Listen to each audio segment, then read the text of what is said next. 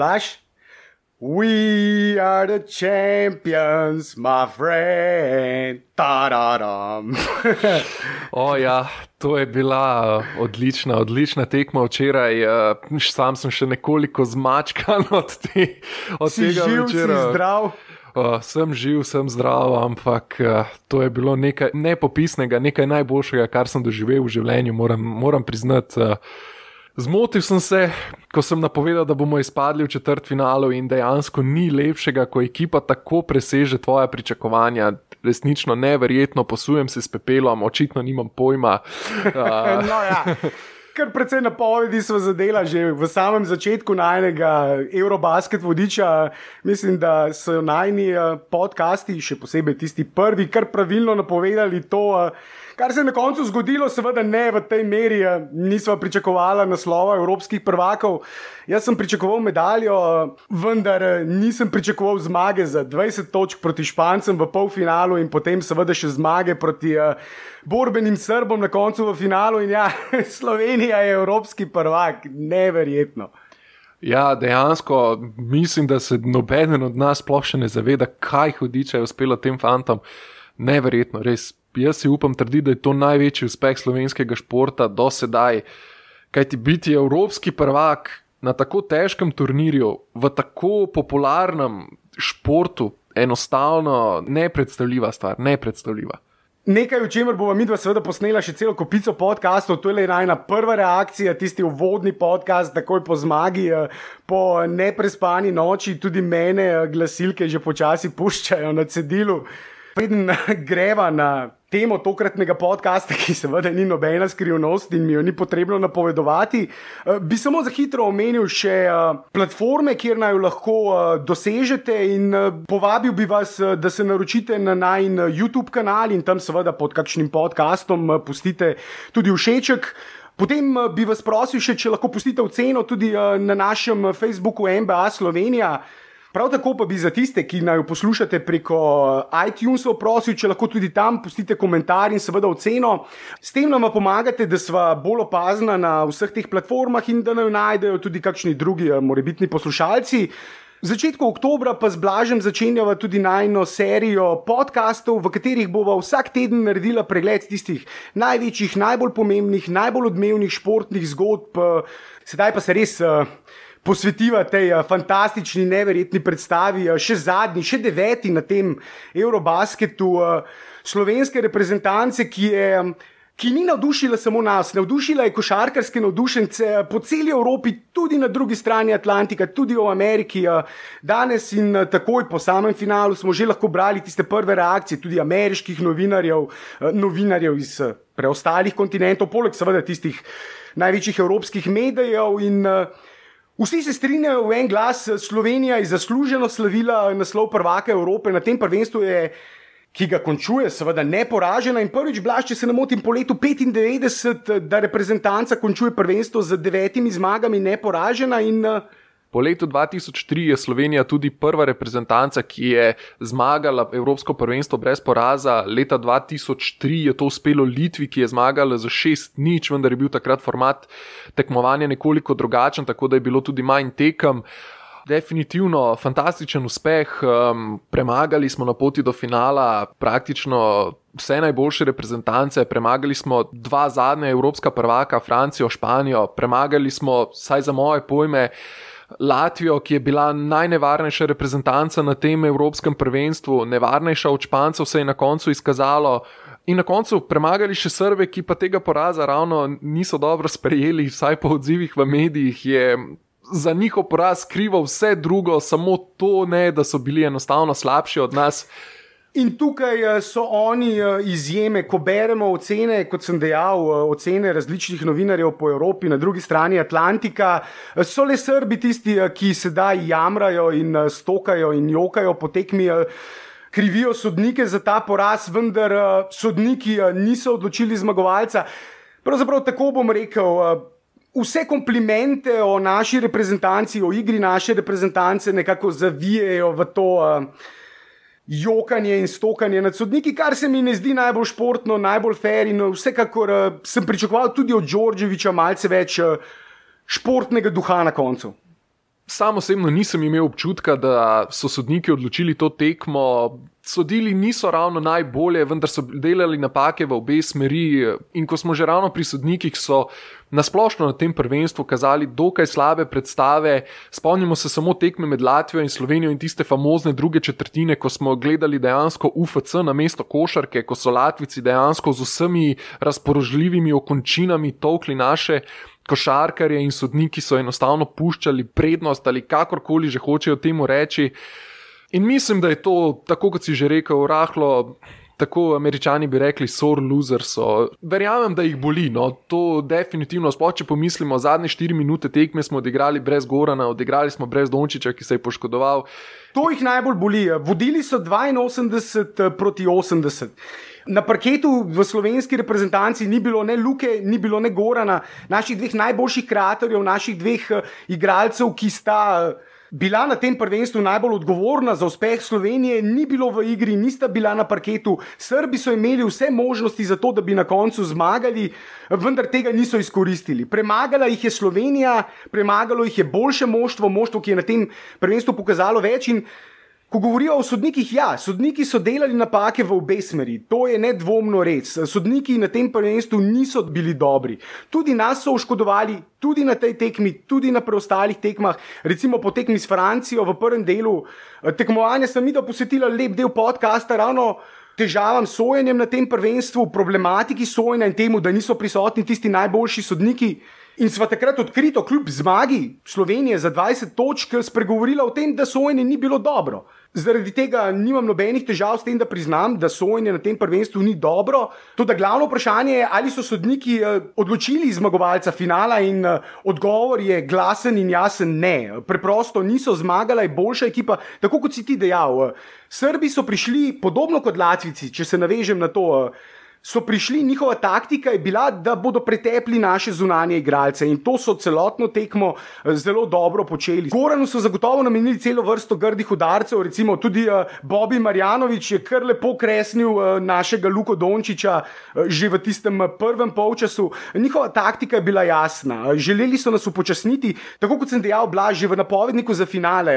Na tej tekmi smo bili mi Brazilci, mi Barcelona, mi kreativci, mi smo bili tisto razigrano poletno moštvo z idejo, romantiko, potezo več v igri. In uh, Srbi so bili tisti uh, delavci, tisto fizično moštvo, ki nas je poskušalo zaustaviti z.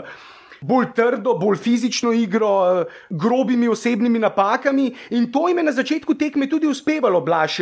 Vsaj v prvem polčasu, v prvi četrtini, Srbi so Sloveniji usilili svoj ritem, upočasnili igro na začetku tekme, eh, prisilili sodnike tudi eh, v to, da so sprejeli tak način sojenja, malce dovolili malce bolj trdo, grobo igro. In recimo v prvem polčasu smo imeli primer, če že govorimo o sojenju, zopet, uh, ko so v osmih sekundah Slovenci prejeli tri osebne napake zapored, vse tri na Bogdanovičem, v razmaku štirih sekund je Blažič prejel dve osebni napaki na Bogdanoviču, v istem napadu je potem še nekaj sekund, takoj po izvajanju uh, žoge iz avta, sledila še tretja osebna, zopet na Bogdanoviču, vendar tokrat Dimca. In jaz nisem bil posebno prepričan, da so vse tri napake. Takrat so sodniki res. Uh, lahko bi rekli, recimo, vsaj pri eni osebni napaki oškodovali našo reprezentanco, vendar ravno to. Sedaj gledati odločitev za odločitev na takih tekmah nima smisla. Mi pa bomo zagotovo še enkrat skupaj pogledali tekmo in uh, naredila še eno dodatno analizo, tudi potem, vendar tisti prvi vtis, tako kot uh, si ti dejal, tudi pri meni ni bil, da bi. Uh, Da bi sodniki sodili za eno ali drugo reprezentanco, delali so napake v škodo obeh moštev, tako kot si seveda že povedal. Ja, in na koncu je odločila tista individualna kvaliteta, ki, oziroma niti ne individualna kvaliteta, na koncu je odločilo to, kdo je imel, um, če bi uporabil Goranov izraz, kdo je imel na koncu več jajc. Kaj ti prepelič po tistih dveh zgrešenih trojkah, ki na koncu vsem poskusil zadev uh, nekaj odločilnih metov, uh, zadev tiste proste mete in dejansko bil na koncu, poleg seveda odlične obrambe Blažiča na Bogdanoviču, ki je bil na koncu tako zelo siten, da je šel že meni na živce. Blažič je s tako obrambo na Bogdanoviču resnično bil trn v peti in seveda ne pozabimo na Vidmarja s tisto famozno, tisto odlično blokado, tam se mislim, da minuto in 20 do konca na Bogdanoviču ki bi lahko prelomila tekmo.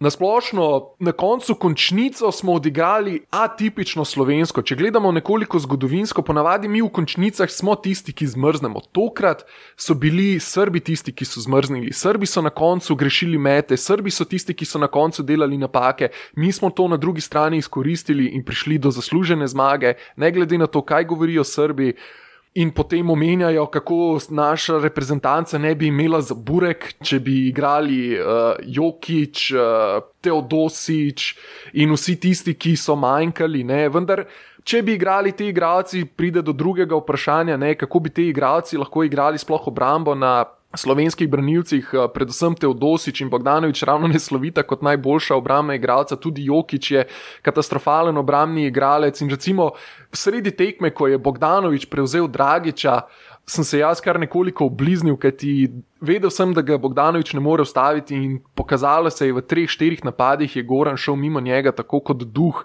Bogdanovič ni mogel narediti nič, tako da Ja, zdaj si mi dal uh, ogromno istočnic, uh, govoril si v zaključku tekme, govoril si o tem, kaj bi bilo, če bi bila srpska reprezentanca drugačna.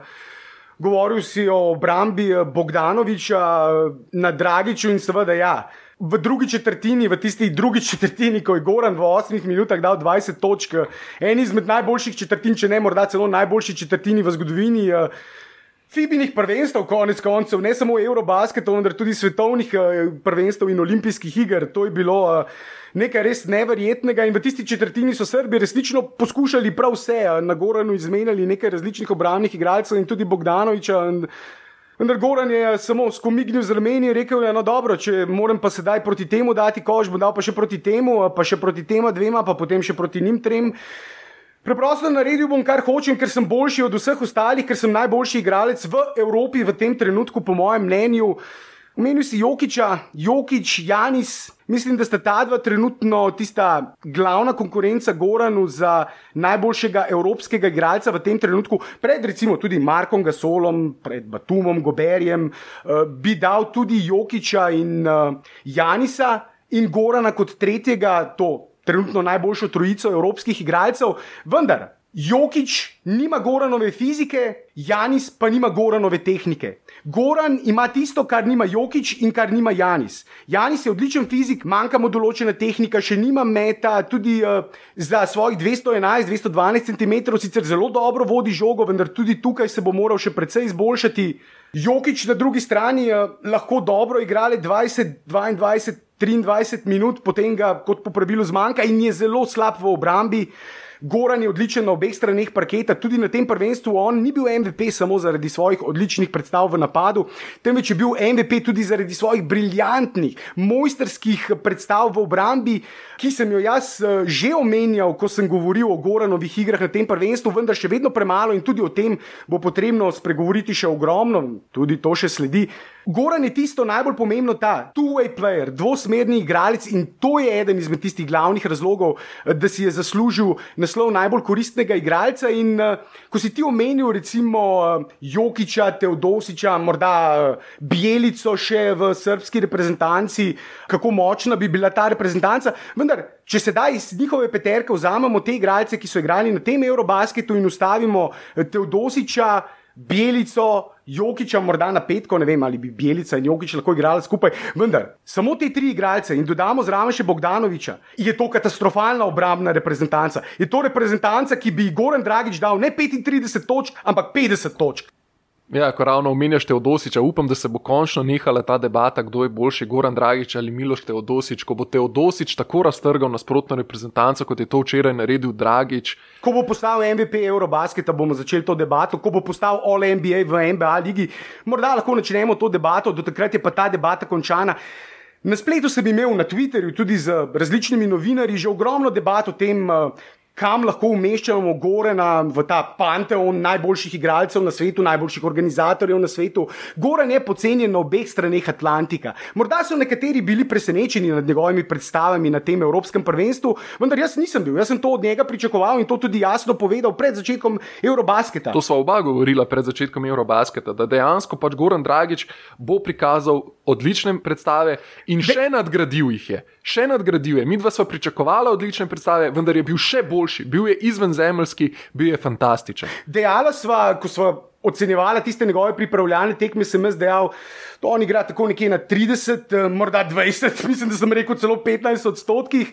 In sva posem jasno povedala, če bo Goran igral na istem nivoju, kot je igral v lanski sezoni v Miamiju, potem bo to prvenstvo končal ne samo v idealni peterki, vendar tudi kot najboljši igralec. To sva jasno povedala, da Goran ima ta potencial, da postane najboljši igralec prvenstva v NBA ligi, kot po pravilu um, njega, zaradi seveda mnogih faktorjev in tukaj tudi prepoznavnost, njegova nizka drag pozicija iz mehne, relativno komercialno neupljivne države. Je polno faktorjev, ki vplivajo na to njegovo pocenjenost v NBA ligi. Vendar to je nekaj, eh, za kar upam, da se bo tudi zdaj spremenilo. Konec koncev, ta Eurobasket je požel precej zanimanja medijskih odzivov, tudi v tistih največjih eh, ameriških medijih, ESPN, Sports Illustrated. Eh, posod je bila včeraj glavna novica MVP Goran Dragič, Slovenija, zmagovalka Eurobasketa. In upajmo, da se bo sedaj sedaj eh, tudi ta profil njegov malce dvignil in zasluži si, da naslednjo sezono postane še uh, all-star igralec v NBA ligi v Miamiju in o tem bova seveda v enem izmed naslednjih podkastov spregovorila eh, napovednik sezone Miamija,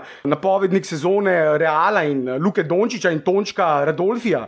Vse to še sledi. Tako da, blaš, ko sedaj razmišljam, Goran Dragič, MVP Eurobasketa, All-NBA igralec v NBA ligi je pa tudi že bil. Mimo grede, All NBA je precej teže dosegljivi status kot All Star. All Star mu še manjka, vendar, če dam za primer, recimo Krisa Boša, 12krat All Star, samo enkrat All NBA, toliko krat kot Goran Dragič. Koliko igralcev je do sedaj sploh bilo uh, MVP Eurobasketa in All NBA igralec v NBA ligi? Tako na hitro, ko razmišljam, Pogasol, Parker, zagotovo Novicki, Dražen in Dragič. To je to. To je to. Pogasol, Parker, Novicki, Dražen in Goran Dragič. Goran je eden izmed najboljših evropskih igralcev v zgodovini evropske košarke. Zadnjič sem jaz, mislim, da v tistem svojem eh, monologu sredi noči eh, nekaj o tem razpredal. Eh, ko sem naštel tiste legende jugoslovanske košarke in dejal, ali lahko Gorana tudi na koncu omenimo še med temi legendami, vedno je težko primerjati različne obdobje. Recimo že Draženovo obdobje in sedanje obdobje, recimo Bodi Rogino obdobje, legende, recimo generacijo ali dve nazaj, že spet vprašanje, s koliko leti pojmujemo eno generacijo.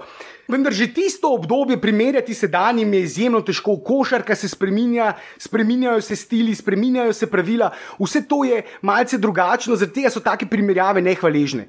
Vendar nekaj, kar lahko rečemo, da ne bova, recimo, bova kdaj drugič o tej širši debati uh, in zgodovini uh, poskušala umestiti tudi ta slovenski uspeh v kontekst zgodovine, ne samo uspeha slovenskega športa, uspeha športa v bivši Jugoslaviji in tako naprej. Vendar nedvomno ta uspeh sedaj Gorana umešča v izjemno redke vode, v izjemno redko družbo res tistih najboljših, najbolj uspešnih uh, svetovnih športnikov. In blaš, mi imamo še en večji talent kot je Goran Dragič v reprezentanci. Tako je, ko že omenjaš redke stvari, Luka Dončić, naš biser, kot ga je poimenoval italijanski komentator, drugi najmlajši član najboljše peterke Evropskega prvenstva v zgodovini košarke po Sabonisu. Sabonis je bil približno en mesec mlajši od eh, Luke, ko je to dosegal. Sploh ne vem, kje bi začel. Eh, ta fant je navdušil ne samo slovensko javnost, ta fant je navdušil svetovno javnost. Toliko govora o enem fantu pri 18 letih eh, onkraj luže v Evropi, toliko objav na Twitterju, dejansko vsi novinari, vsi oboževalci košarke so po vsaki tekmi Slovenije šli prvo gledati, kako je igral Dončić, koliko je imel točk, koliko je imel skokov koliko je imel asistenc. Um, spomnim se takrat, ko je uh, po tekmi Španijo, ko je bilo kar, kar nekaj negativnih komentarjev na račun uh, Gorana Dragiča, zakaj mu ni pustil žoge na koncu, da bi dosegel tisti trojni dvojček. Dejansko odigral je fantastično, odigral je neverjetno. Matej, uh, vem, da se strinjaš z mano in uh, delnice so se mu na tem Evropskem prvenstvu, tudi na NBA draftu, neizmerno dvignile. Večina novinarjev, tudi on stran luže, je sedaj mnenja, da je vprašanje, kaj v bistvu lahko še naredijo ostali igralci, ki so potencijal za prvi pik na draftu naslednje leto, kaj lahko dejansko naredijo, da prehitijo Luko Dončiča. Sam osebno mislim, da je tukaj pri tem prvem piku nekoliko zadnji tudi kuhne, kajti ne bo Dončić tako zelo cenjen kot bodo tisti igralci, ampak Dončić je vse to 27 točk proti Latviji, skorajšnji trojni dvojček proti Španiji. To je dosegel proti vrhunskim igralcem, proti NBA igralcem, proti profesionalcem, izkušenim igralcem, ostali kandidati na draftu, ki bodo igrali tisto njihovo univerzitetno košarko, ne bodo niti približno igrali proti tako kvalitetnim nasprotnikom, kot je to sedaj te svoje predstave kazal Luka Dončić. Dejal si, delnice so se mu dvignile, ne samo njemu, dvignile so se vsem našim igralcem. Pravzaprav, recimo danes eh, na naslovni strani sem prebral en izjemno zanimiv članek o Randolfu in uh, in o tem, kako eh, bo zagotovo zopet dobil priložnost v NBA ligi, ker eh, seveda v sedanji košarki, taka košarka, kot sedaj prevladuje na obeh straneh Atlantika, v Realu in recimo v NBA ligi, eh, najbolj uspešne ekipe igrajo košarko, kjer visoki, gibljivi igralci z dobrim metom v daleč, ki lahko ob enem obrambi blokirajo tudi met in prevzemajo, rotirajo na pozicijah od 3 do 5, eh, morda celo prevzame kakšne branilce na določene trenutke. To so tisti najbolj vredni igralci. Mi dva smo že pogosto uporabili besedo, ki seveda ni najna pogruntavščina, unicorn, samorok, eh, izraz, ki ga v NBA ligi uporabljajo za te visoke igralce, ki so izjemno raznovrstni, gibljivi, z dobrim metom oddaleč, lahko organizirajo napad z dobrim pregledom nad igro, dobro igrajo v obrambi. Porzingis je bil eden izmed teh eh, na tem prvenstvu, seveda. In Rendor se ravno proti Porzingisu zelo dobro znašel, dobro tekmo prikazal in si tudi on tam dvignil ceno. Recimo Murič, Edo Murič se je prodal sedaj v turškega velikana in ne dvomim, da bo Prepelič naslednjo sezono glavni igralec pariškega kluba in seveda tudi v Evropi zopet kazal odlične predstave. Recimo tudi Vidmar je pokazal, zakaj je bil kar nekaj časa član Fenerbahče, dejansko je Vidmar morda v tej reprezentanci celo še najbolj podcenjen igralec. To bi bila zelo zanimiva debata, kateri igralec naše reprezentance, če sem govoril o pocenjenem Goranu Dragiču, bi lahko seveda podoben monolog, eh, podoben strasten monolog imel o pocenjenih eh, ostalih igralcih naše reprezentance. O tem, recimo, da lahko Blažič eh, v obrambi zaklene najboljše zunanje igralce v Evropi, morda tudi kakšnega na drugi strani Atlantika z kombinacijo hitrosti, višine, moči je izjemno neugoden, ampak on je samo eden od mnogih, oziroma od vsakega izmed naših igralcev, ki je dal konec koncev. Od prvega do zadnjega, od Gorana do Dimca, Zagorca in seveda tudi Repca na koncu, ki je za svojo ki je s svojim karakterjem eh, pomagal tvoriti to odlično kemijo znotraj moštva. Vsakemu bi lahko spregovoril, mislim, samo v Nikoliču bi lahko sedaj govorila recimo 15-20 minut. Spomnim se samo, ko smo brali reakcije na družbenih omrežjih in podobno, ko so dejansko slovenski navijači govorili, da bo Nikolič gladko odpadel iz te reprezentance. Takrat smo že midva govorila, da bo Nikolič definitivno zraven in samo še enkrat je pokazal to, za kakšen neizmeren talent gre. In upam si staviti, da bo letos tudi v Bambergu v Nemčiji, kjer je njegov matični klub imel precej višjo minutažo in precej večjo vlogo, kot jo je imel v prejšnji sezoni, ko mislim, da celo ni bil v moštvu, ko je bil za nekaj časa celo posojen v drug klub. Vsi, od prvega do zadnjega, so si dvignili delnice na tem Evropskem prvenstvu in upravičeno odigrali so od prvega do zadnjega odlično. Vsak je vedel točno, kaj mora narediti, vsak je imel točno določeno vlogo, to gre seveda zasluga celotnemu strokovnemu štabu. Igorju Kokoškovu, Jaki Lakoviču, Aleksandru Sejkoliču in Radu Trufunoviču opravili so izjemno delo. No, pa saj vendarle, ko si evropski prvak, so od prvega do zadnjega vsi člani reprezentance opravili odlično delo, drugače pa če enostavno ne moreš biti evropski prvak. Še enkrat, eh, zadnje minute, izenačene tekme, tekme, v kateri so Srbi eh, vodili z 82 proti 80, smo mi igrali brez Dragiča in brez Dončiča. Mislim, da to vse pove. Mislim, da je to tista najbolj pomembna stvar te celotne analize. Potem bi seveda lahko razglabljali o tem, zakaj morda ni bilo Marjanoviča v odločitvah srpskega selektorja na koncu. Verjetno se je odločil, da Marjanovič pač v obrambi eh, je bil preprosto preslab pri branjenju pike rola in to, kot smo napovedovali, to bo tista glavna šibkost, ki jo bodo napadali naši zunanji igralci in seveda to so odlično naredili. Ko je Štimac eh, v obrambi nadomestil Marjanoviča, je srpska obramba delovala še malce bolje, ampak ravno to je tisto, kar sem tudi prej omenil. Recimo, da ti igraš sedaj z Marjanovičem in da pride nazaj Jokič, Bjelica, Teodosič. To je potem povsem druga srpska reprezentanca. Oni so prišli do tega finala z njihovo igro v obrambi. Če sedaj ti v njihovo reprezentanco vključiš tiste igralce, bo to potem reprezentanca, ki bo skušala igrati tako kot naši igralci, Jokič, Teodosič. Vse to so.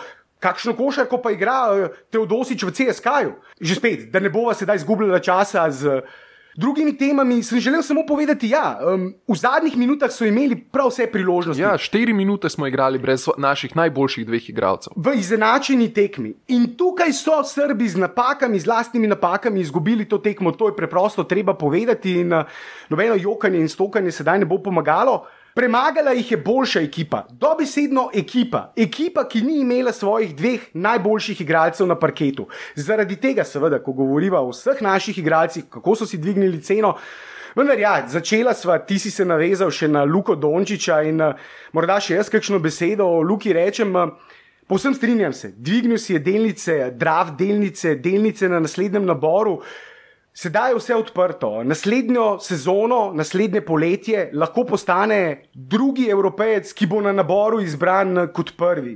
To bi bilo tudi nekaj eh, skoraj da nepojmljivega, predvsem zaradi eh, zadnjih dveh najvišjih evropskih izborov, eh, Prnjanja in Miličiča, ki sta bila dokazana, tako imenovana basta, propadla igralca, igralca, ki nista niti približno upravičila visokega nabora in še posebej tisti Miličičev primer je res famozen, ker je bil izbran na draftu, v katerem so bili izbrani Dwayne Wade, uh, Carmelo Anthony uh, in še uh, Chris Bosch, vsi za njim.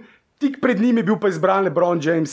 Po mnenju mnogih, še vedno eden izmed najboljših naborov v zgodovini lige NBA, oziroma po mnenju večine najboljši nabor v zgodovini lige NBA. Sveda, če ne šteješ tistega, ko je bil izbran Jordan avtomatično za najboljši nabor lige NBA. Vendar mnogi analitiki sedaj predvidevajo, in moram priznati, da se z njimi tudi sam strinjam, naslednji nabor bo fantastičen. Prvih štiri ali pet igralcev, tukaj seveda vključujem tudi Luko, zato govorim o tem, bodo vsi po vrsti eh, franchise playerji oziroma. Imajo potencial franchise playerjev, torej igralcev, ki lahko svoj klub, svojo franšizo popeljajo do naslova. Goran je eh, sam dejal v enem izmed intervjujev po včerajšnji zmagi, da eh, Luka bo čez nekaj let eden izmed najboljših igralcev na svetu. In jaz se povsem strinjam z njim. Mislim, da je na tem prvenstvu pokazal dovolj, pa ne samo na tem prvenstvu, tudi z igrami v realu je pokazal dovolj, da bo verjetno res eden najboljših igralcev. Pa jaz mislim, da ne samo na svetu, mislim, da bo eden najboljših igralcev v zgodovini košarke, kajti tak neizmeren talent kot je on, mislim, da je težko, da se ne bi zapisal v zgodovino. V končni fazi, že samo, kot smo že povedali, že samo to, da je drugi najmlajši igralec, ki je v prvi peterki, v najboljši peterki Evropskega prvenstva, pove veliko. Ja, Blaž, seveda bi zdaj lahko o Luki govorila, kaj, uro, dve, tri, eh, cel popoldan, cel večer. Uh, Mi dva smo v Luki eh, posnela že dva podcasta z naslovoma Fenomen 1 in Fenomen 2. Mislim, da sama po sebi že naslova predvsej povesta, eh, kaj si mi dva misliva o njem. In tam smo tudi podrobno razdelali njegove slabosti, njegove dobre stvari. Tudi skozi celoten ta Eurobasket vodič. Uh, Sva seveda govorila o vseh plateh njegove igre, tudi pomankljivostih, ne samo o dobrih stvarih, vendar, kot si že sam povedal, talent, kot je Luka Dončić, se zgodi enkrat na 15-20 let, morda. In potem je seveda tak talent potrebno razviti, uh, tak talent mora imeti voljo za delom, uh, mora imeti tudi nekaj sreče. Vse to, kar je Luka do sedaj imel in ima, in ima vse pogoje, seveda, da res postane to, kar je dejal Goran v izjavi po tekmi. Uh, eden izmed najboljših igralcev na svetu, eh, morda nekoč celo najboljši igralec na svetu. To sva pa mi dva dejala že v tistem eh, Fenomen 1 in Fenomen 2 podcastih, ki jih lahko uh, slišite na naših YouTube kanalih, iTunesih, SoundCloudu. Pa blaž, preden zaključiva. Da ne bova tokrat predolga, samo kakšno besedo ali dve morava reči še o Kokoškovu, preden se posloviva. Tudi o njemu smo že govorili v vseh podcastih in od samega začetka ponavljala, kako Koškov je podcenjen, vse razloge, zakaj je podcenjen, o tem smo tudi že ogromno govorili. Upam, da sedaj nihče več ne dvomi. Eh. Govorimo o trenerju, ki je pravzaprav prvi uh, evropski trener, ki je postal uh, prvi pomočnik v Ligi MBA bil tudi eh, prvi pomočnik v NCAA študentski ligi, kjer je položaj uh, trenerja nekaj najbolj prestižnega in so trenerji pogosto plačani celo bolj kot v NBA ligi, tisti najboljši. Mike Križevski je eden izmed teh primerov, seveda nekdani selektor ameriške reprezentance, kjer ga bo sedaj nadomestil. Uh, najboljši trener eh, NBA lige Greg Popovič. In seveda, ko govorimo o teh renomiranih trenerjih, eh, že spet, Kokoškov še ni tako daleč, tako visoko, vendar s svojim vodenjem na tem prvenstvu, konec koncev s tem gambitom na koncu. Če se dotaknemo še tega gambita, ki smo ga že danes parkrat omenili, ko je Dragič eh, skrči moral oditi na klop eh, kot Lebron proti Sprsom. Na parketu je Goran pustil vse, ko je recimo Luka staknil tisto poškodbo gležnja, je bilo meni jasno, da Goran tekme ne bo zdržal do konca. Pritisk Srbov je bil potem še večji. Takoj po tisti eh, poškodbi eh, Dončiča je imel tudi eh, prepelič nekaj črnih minut, Gorana so začeli ob tem mučiti krči in naša reprezentanca je izgubila ritem v napadu. In takrat je Kokoškov potegnil potezo, za katero lahko trdi, da je bil prisiljen v to potezo. Vendar jaz sem prepričan, da je ogromno trenerjev, ki bi v tisti situaciji 花季 najboljšega igralca, ne samo reprezentance, turnirja, MVP-ja, turnirja, pustili v igri in bi rekli: 20-odstotni Goran je boljši kot nobenega Gorana. Zaupal bom Goranu, 90% NBA trenerjev bi to naredilo. To pa je ta evropski element, jugo element, srpski element Kokoškova, da ima pogum, da ima jajca, že spet jajca, ki si jih ti omenil. Potegnil je potezo, ki mislim, da jo mnogi trenerji ne bi in bi pustili Gorana, da šepa še naprej po parketu. Goranova mentaliteta je, jaz bom dal koš ali pa umrl, in verjetno bi v tem primeru naša reprezentanca izgubila. Blaž. Ja, se strinjam s tabo.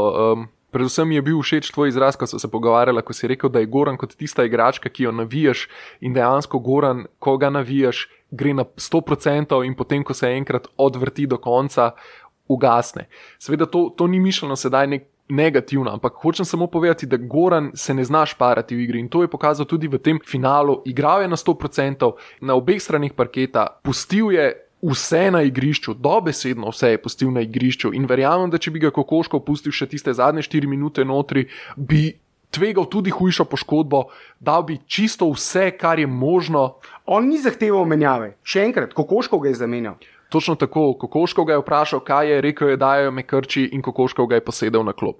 Lahko bi mu rekel, ali lahko zdržiš, Goran bi brez dvoma rekel, lahko zdržim. Goran je tolikšen borec, ampak Kokoško ga je posedil in lahko sedaj, tako kot si ti rekel, lahko sedaj govori, da je bil prisiljen v to, ampak definitivno je bila to, američani bi temu rekli, ballsy move.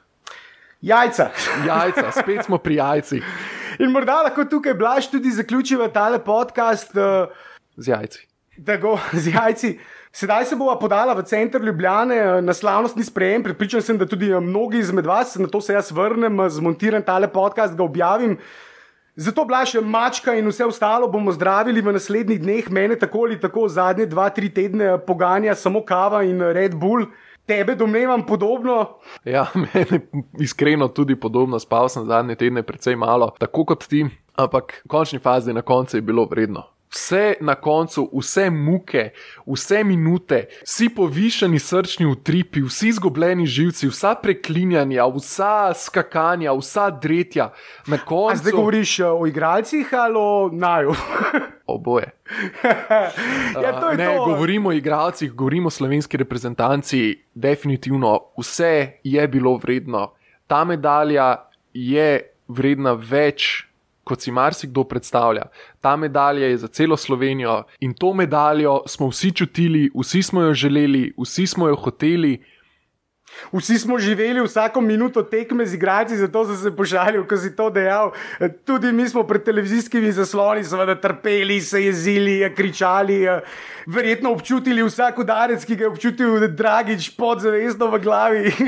ja, to finale ni igralo 12 fantov, to finale je igralo 2 milijona ljudi. In mislim, da smo si vsi zaslužili ta naslov, prvi zgodovinski naslov, najlepši naslov, prva medalja, zlata medalja. Prva je vedno najlepša blaž. Točno tako in hkrati, če še najlepšega leska, neprecenljivo.